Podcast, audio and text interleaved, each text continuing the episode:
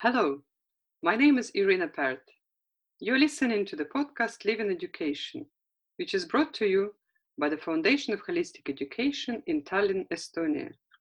This foundation has been created by St. John's School to support the balanced and holistic approaches to children's learning and development.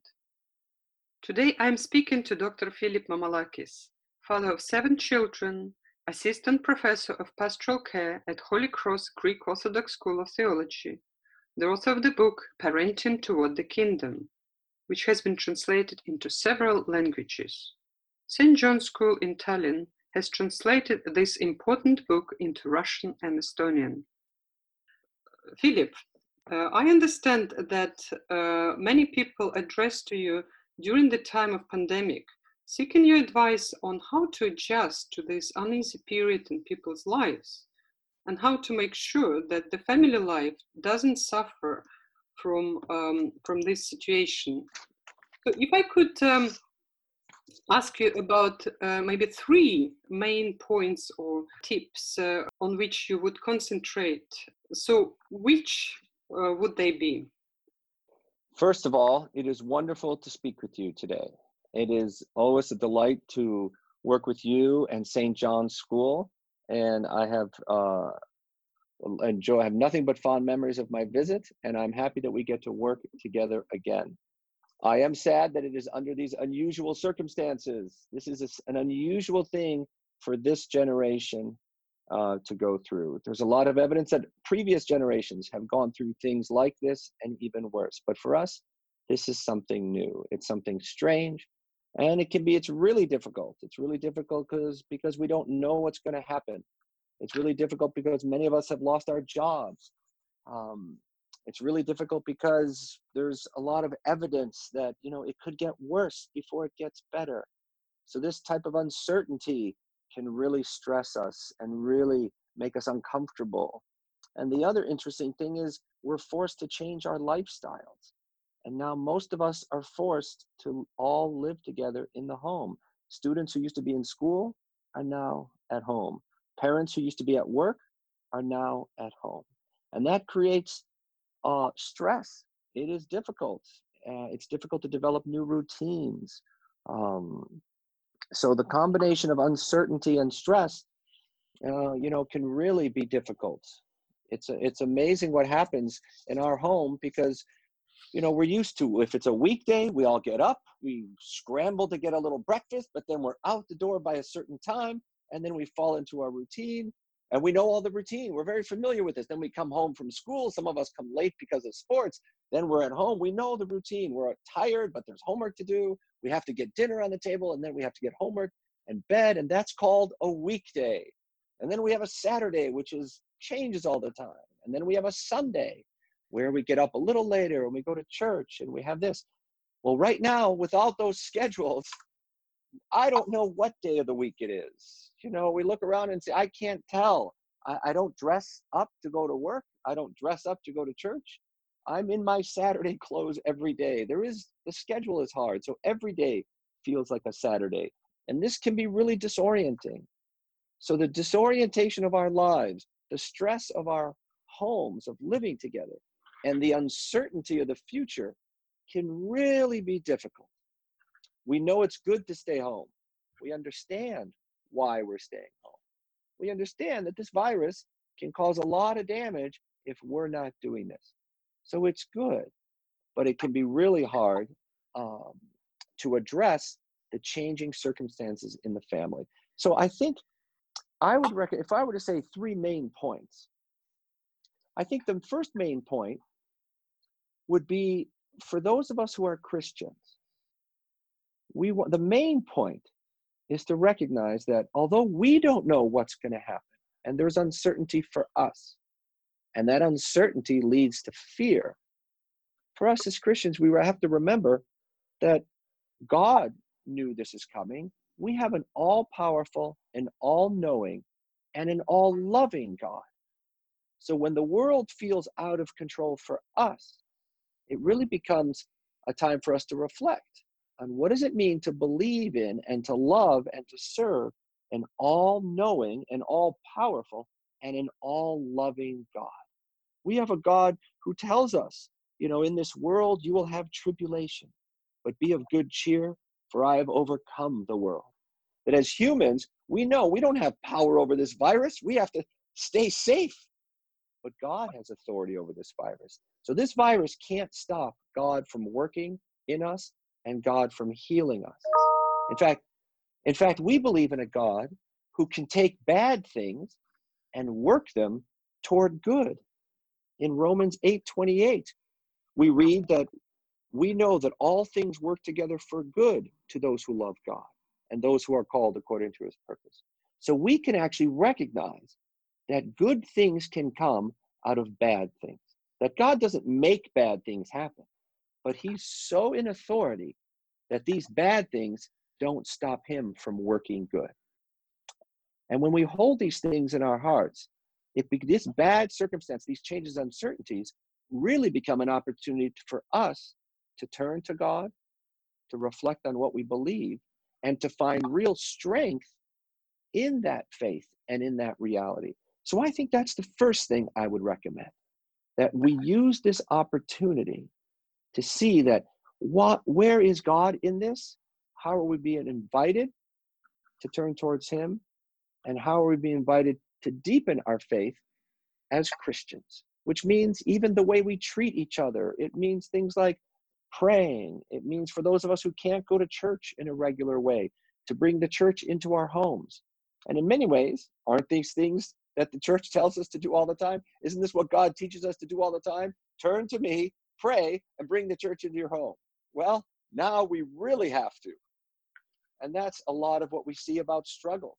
That when struggles come, we realize I really should do what I'm being told to do. You know, we're being told to be patient and forgive each other. Well, now we really need to be patient and forgive each other because now it's going to be really hard at home unless we're patient and forgive each other. So the first thing I recommend is recognizing God's presence in this and this these struggles as opportunities to reflect on who we are and how to thrive. My second recommendation is a little more practical because I know I love Saturdays. I love Saturdays in normal times because you don't have to get up you don't have to get dressed. I don't have to shave. I don't have to force the kids to take a shower. It doesn't really matter if breakfast is a little late. Sometimes we never know when actually we're going to have lunch. It's a nice down day. And when you have one day of the week that's like that, it's it's a break. And then you get back to your schedule. Well, what's happened now is every day is like that without the schedule. And that becomes overwhelming. We are not created for this type of loose, ambiguous living.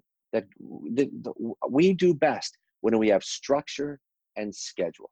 So the second recommendation I have is now we need to create our own schedules and structures in our day. That it's really appropriate to have a wake up time. It's really appropriate to develop a schedule with your children about when are we going to do schoolwork? When are we going to go outside and play? When are we going to eat our meal? How are we going to keep doing our chores? And with children, this works really well if you have a conversation about it. And maybe even put it up on the wall or on a notepad, because that allows us as parents not to be constantly telling our children what to do. But it helps us recognize that that type of structure and schedule is really helpful. Otherwise, we sit around, we do this thing, we, the things we don't want to do get put off, and by the end of the day, the house externally can feel like uh, chaotic, and then internally our lives feel chaotic. And in this schedule, it's really important to take care of our mind, our body, and our soul. Take care of our bodies, a scheduled time where everyone must be outside. And what we know is well, you can still go outside, you just have to be careful about where you go and what you do. But that's really important. And then our souls, we have a structured time for prayer or for quiet and for quiet reading time. So these moments of quiet are really important for us as human beings. And for Christians, it's really important to have the time of prayer, time of family prayer, and then time of individual prayer. And by family prayer, I don't mean a long church service, because family prayer needs to be a little shorter than normal. But it's really important if the adults in the home gather the family and the adults in the home have just a few moments of still prayer. And the kids are going to do what the kids are going to do. And what happens when your day has a little brief prayer in the morning and a little brief prayer in the evening, the whole day becomes captured in that prayer. So it doesn't matter how long the prayer is, but what does matter is that there's a schedule. And so at this time, it's really important to try and be strict or try and really be intentional about having that type of schedule. And the third thing I think is really important is that we are merciful on ourselves and on each other because this is a transition. And you know, we normally should be forgiving, but this time we need to be extra forgiving because when times are changing, when there's stress and uncertainty, we become more irritable. We, we become less patient.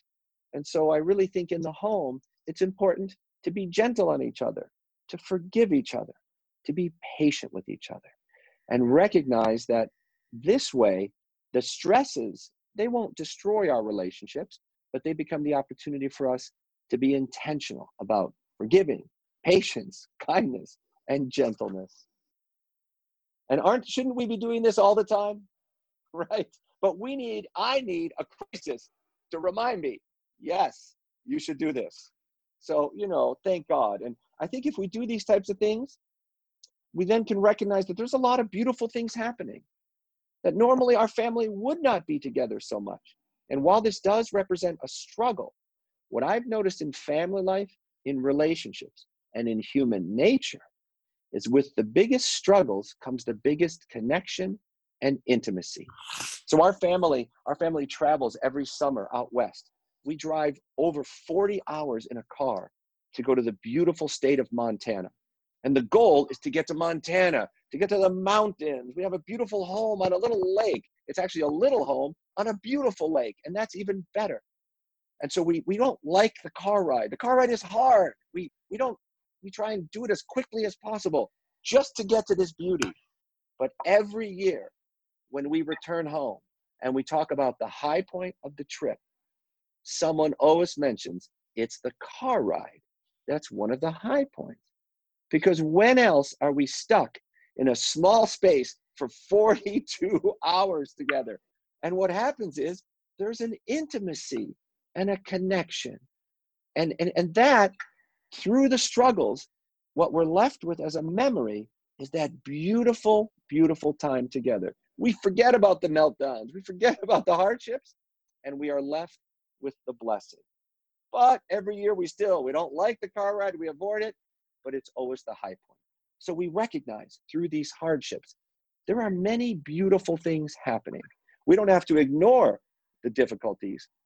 We should recognize the difficulties and respond appropriately, but not lose sight of the unique, beautiful things that we will remember for a lifetime. We will be talking in 40 years Remember in 2020 when we all had to eat dinner together every day? Remember when dad was home all the time?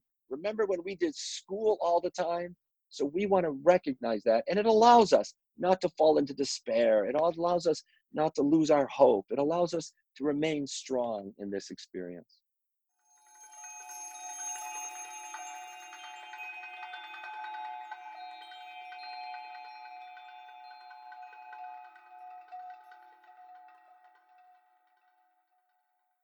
When we recognize, when we find meaning in difficulty, it helps with stress. When we have a structure to our day, that actually helps with stress. And, and learning that this is going to be hard and I want to be intentional about it, these things help with stress. But there's a few other things to remember about stress. And that is number one, that if we can learn when we're feeling stressed, something to do in the moment. And when we feel stress internally, it, it, it's, it, it affects our bodies because we are intimately connected, our bodies and our inner lives. So, one of the first things to do is to notice when you're stressed, is just to take a slow, deep breath, just to relax your body. Because there's really nothing you can do about the chaos in the home. But what you can do in the moment is when you notice the tension, take a slow, deep breath. It signals to our brain and to our body that this is not an emergency. It helps us relax physically. And when we relax physically, it helps us in the moment um, to relax internally. The second thing for us as Christians is to offer up our stress in prayer, is to put to words our stress and even say something as simple as, Dear God, help me because I'm feeling overwhelmed. Or for the Orthodox Christian, we have this beautiful Jesus prayer. So, in addition to having structured time for quiet and structured time for prayer, we recognize in the moment to say a prayer. And then the third thing is, in the moment, might be a good to take a little time out. If I'm feeling overwhelmed by the chaos and feeling stress, there are a lot of people in the home. If there are two parents, you can agree that one of us, let's take a five minute time out. And I just go to a quiet spot, take a deep breath, maybe journal, maybe say a prayer, maybe read something, or maybe have some quiet music. And we can take these little timeouts to recognize I need a timeout and then prepare ourselves to come back in to the family. And when we're in timeout, it helps to remind ourselves of these things. That remind ourselves that, all right, this is temporary. Remind ourselves to be patient. Remind ourselves to focusing on loving each other and forgiving each other. It helps us. It, it's like in a, in a game of soccer, you know, you, well, mostly in, in American football and American hockey, we take timeouts. Hang on a sec we need a little break. Like in basketball, you take a timeout because we just lost 10 points. We take a timeout, we regroup, we make a strategy, and then we come back in. All of us need that. And to, to recognize in the home where we don't have set times for when we're together and when we're apart, which is normally what we have, but we're all the time together, we want to be respectful and take these timeouts in the moment. This is this is wonderful. Thank you so much. Um, uh, if I could ask you about um, uh, how the current situation um, affected the the role of the parent, uh, that uh, not everybody um, can be an educator of their children, and many parents uh, uh, might feel that this is not the role you know they really are prepared for. Um, so I, I, I wonder what you think about it. So should um, families just see it as a, as a temporary uh, situation, and when life goes back to normal, so they will be happy to um, uh, depart, you know, from the role of, of right, teacher. right. Or uh, would you advise that they should embrace this uh, as a unique opportunity to actually get involved uh, with uh, the kids? Uh, what and just to find out what the kids are actually actually learning at school. That's right. That's right. Again, it's like this challenge. It's really a challenge, but in, in within the challenge, we see an invitation and an opportunity. It is so hard if you're used to sending your kids to school and knowing they're being well educated and I can worry about my adult responsibilities that somehow now I'm supposed to manage and oversee and supervise and I don't know where to begin. I don't know what chapter they're on. I don't know how to find their work. And this can feel really, really overwhelming. How do you start? Where do you begin? I don't really know. Sometimes our children know the technology better than we know the technology. They'll know the subject matter better than we will know the subject matter. And that can really make me feel completely inept or incapable or unable. And so my tendency would be just to push it away. And I understand that. That is very hard. However, the research into child development shows that when parents are involved in their children's education, children do better. And really, our children don't need very much. I think there are two things that are really important that our children need. And the first thing is for us just to walk alongside them, to be involved in some way, even asking questions, just because our presence in their schoolwork really helps them focus on their schoolwork, understand the meaning of their schoolwork, recognize the importance of their schoolwork.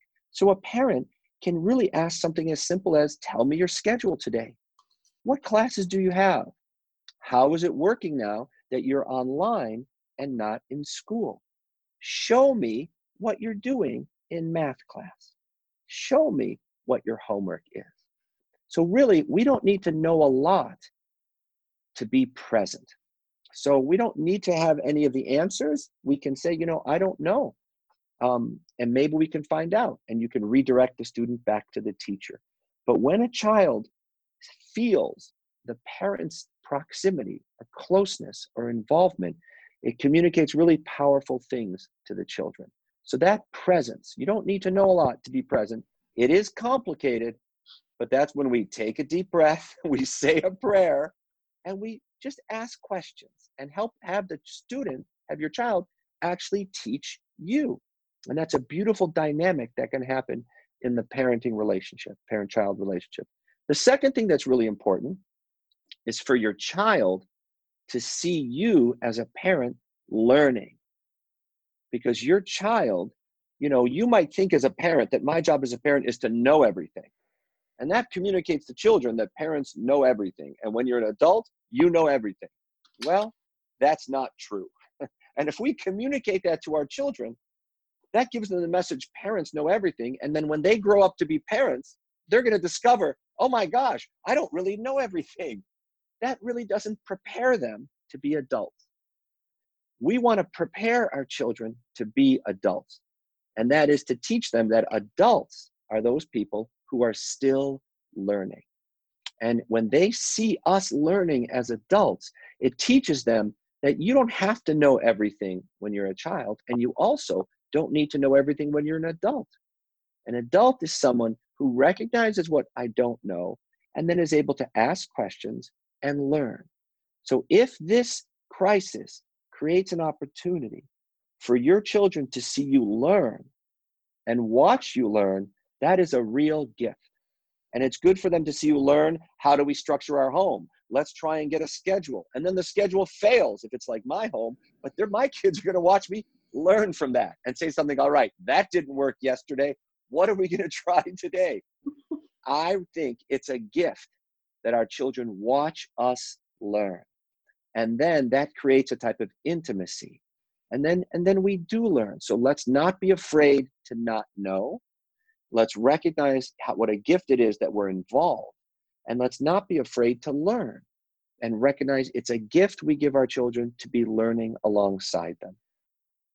I, I think uh, you covered my next question as well. So about Tell me. The, I wanted to ask about the lessons which uh, we could take from this situation, uh, the lessons for um, parents, families, uh, and the lessons for educators.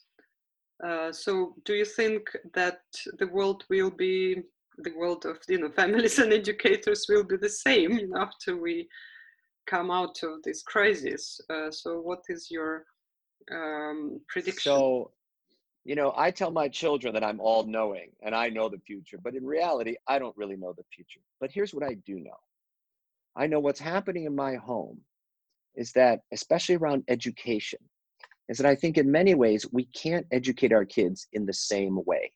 And the education I don't think is as good. There's there's losing some things by being in the home and online. And I look at as a professor, my classes, we're losing something.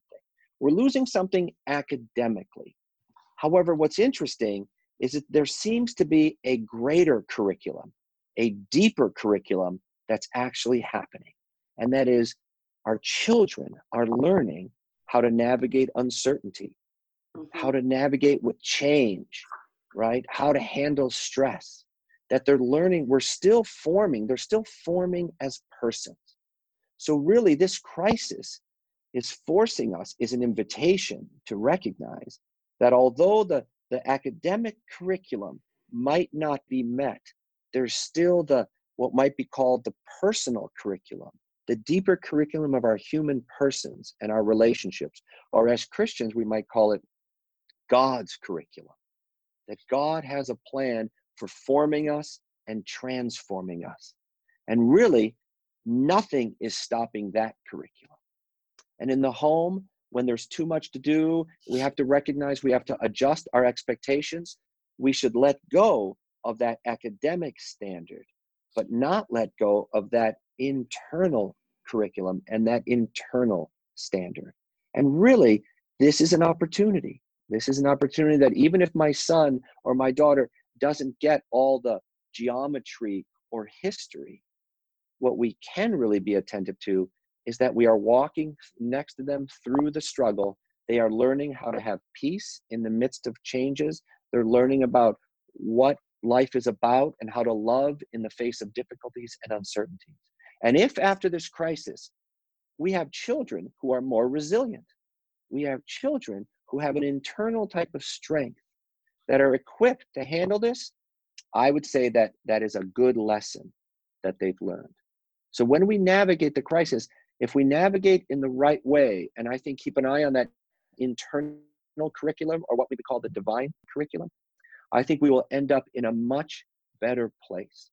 And then, you know what? You can learn the algebra and geometry next spring. You know, you can, you can, the academic curriculum can catch up. But we don't want to lose sight of that personal curriculum. And when we think about what St. John's School tries to do and what we try and do at seminary, it's not just putting information into the brains of children, but it's about forming human persons through these relationships. And if we keep our eye on that primary curriculum, no matter what happens, we will look back and this class or this generation of children might be the most prepared children to go out into the world because of what they went through. I, I wonder um, if what you say um, could be maybe a bit reformulated, uh, uh, keeping keeping in mind uh, uh, teachers, so professional educators. So, what would be your advice to them so in the same way, so would they be able to go back uh, to, to their workplace and, and do the same things as they did before? Or how do you uh, think they should be reflecting on, on, on this particular uh, situation, which probably never happened in their lifetime? And, and how what, what kind of lessons they should take and, and, and bring this to the classroom? That is a great question. Uh, as a professor and also watching the teachers who are interacting with my children, it is really difficult. I feel like as a teacher, my hands are tied in many ways. And I watch my the teachers of my student, my children, that they can't do what they normally can do. And I think um, recognizing that uh, it's really good for the teachers to adjust their own expectations and communicate to the students, both how we need to adjust expectations about what we can accomplish, but still stay attentive to learning at some point. Because we don't want to just abandon the teaching. The challenge is to engage the students in a new way as best they can. And I think that's the challenge of adjusting our expectations and communicating to students that we're still doing class, although it won't be the same. And there might be uh, an opportunity to uh, attend to the children in a different way and to check in with them of how they're doing with the new learning situation how are they doing in their lives and then get back to the content at hand so the teacher can actually focus on both of the curriculums the, the academic one adjusting expectations and then the internal one by focusing on the children and i think when you come back when we regroup in back in school I think we can recognize that, all right, we didn't accomplish what we wanted, to, what we could have accomplished because of the crisis. And the teacher communicates, but that's okay. That's not a problem. We will just attend to it now. And the teacher can then communicate. This is how we communicate to the children that we are going to make up for a little bit of that in a reasonable time without any anxiousness or fear or anything. That's my sense is to challenge their ability to teach online, challenge the disappointments and the expectations, keep that positive attitude and continue to engage the students as best you can. Um, and would you say that uh, uh, this experience might also um, allows teachers to focus uh, more on learning rather than teaching and uh, reflect on, on the ways in which uh, today children learn and they learn differently. And I have noticed, for example, that uh, uh, some children who were not um, great uh, students in, in my regular class actually became uh, very good students uh, in, in, in the work that they've submitted online and, and vice versa. So those who were uh, active and, and very good students in, in the classroom somehow uh, got a bit lost, you know, in this digital technology and uh, are not haven't managed to adjust, you know, that quickly compared to, to the other students. So uh, to me, it was quite su- surprising, you know, to, to realize that there is this difference between different types of, of learners. And so I wonder if, if, if this is one of the outcomes uh, It's learning that, and I know my my students, my children, one of their teachers is doing a reverse classroom now, where they they learn the lesson through uh, on their own, and then they do their homework together as a class, and and some kids do really well like that. Um, and what I think is that it is forcing creativity Mhm. and you know i i think it might really for my kids they're going to miss being in school they kind of like that they don't have to get up as early and go to school but i really see they miss the community of school and you know i think forcing us as adults to be creative forcing us as teachers forcing us as, as teachers to be patient forcing us as teachers to stay connected and doing the best we can and keeping that positive attitude and looking for creative means and discovering new things right? Uh, who knows what's gonna what are we gonna keep after this crisis and what are we gonna get rid of immediately and go back? You know we're we're gonna look at this. I trust that if we as adult professionals are staying attentive and staying creative that's exactly right. I don't know how we can never go back to the same way we were we're going to go back forward as different people and possibly a different understanding and different techniques in teaching. You know because we know that there are these constant educational questions about is it good for kids to get up that early and go to school? Is it good to have to be that long in school? And you know this is forcing parents to be involved. And maybe this crisis will generate some real creativity about why do we go to school so long and why do we all get there in the morning? Why don't we start online in our mornings and meet in the afternoons? You know i'm making this up right? But you know there's a part of me that's cynical that says oh we're just going to go right back to our bad habits as soon as possible. And then there's a part of me that's optimistic and says we will be changed. We will now pay attention to our environment because it's so nice to have clean air. We will now you know not have so much traffic. We will now spend well we'll see. Glory to god for all things. Right. Well, I, think you know we could uh, stop here on on, on this uh, um, uh, positive note. Uh, so let's let's hope that you know there there, there will be uh, uh, things we would like to keep, uh, that's right including the clean air and positive Right. attitude and creativity. So thank you very much for uh, for this interview, and I, I really hope that we could continue this conversation uh, without the screen uh, in in real that's right in real time. So uh, let I, I thank you for being with us today, and um, I would like to uh, say that uh, you know all the best for your family and for your um, kids and and and for, for, for your wife. Goodbye. Thank you so much, and thank you for all your work for the School of St. John's and all the children and the families, and to your family as well.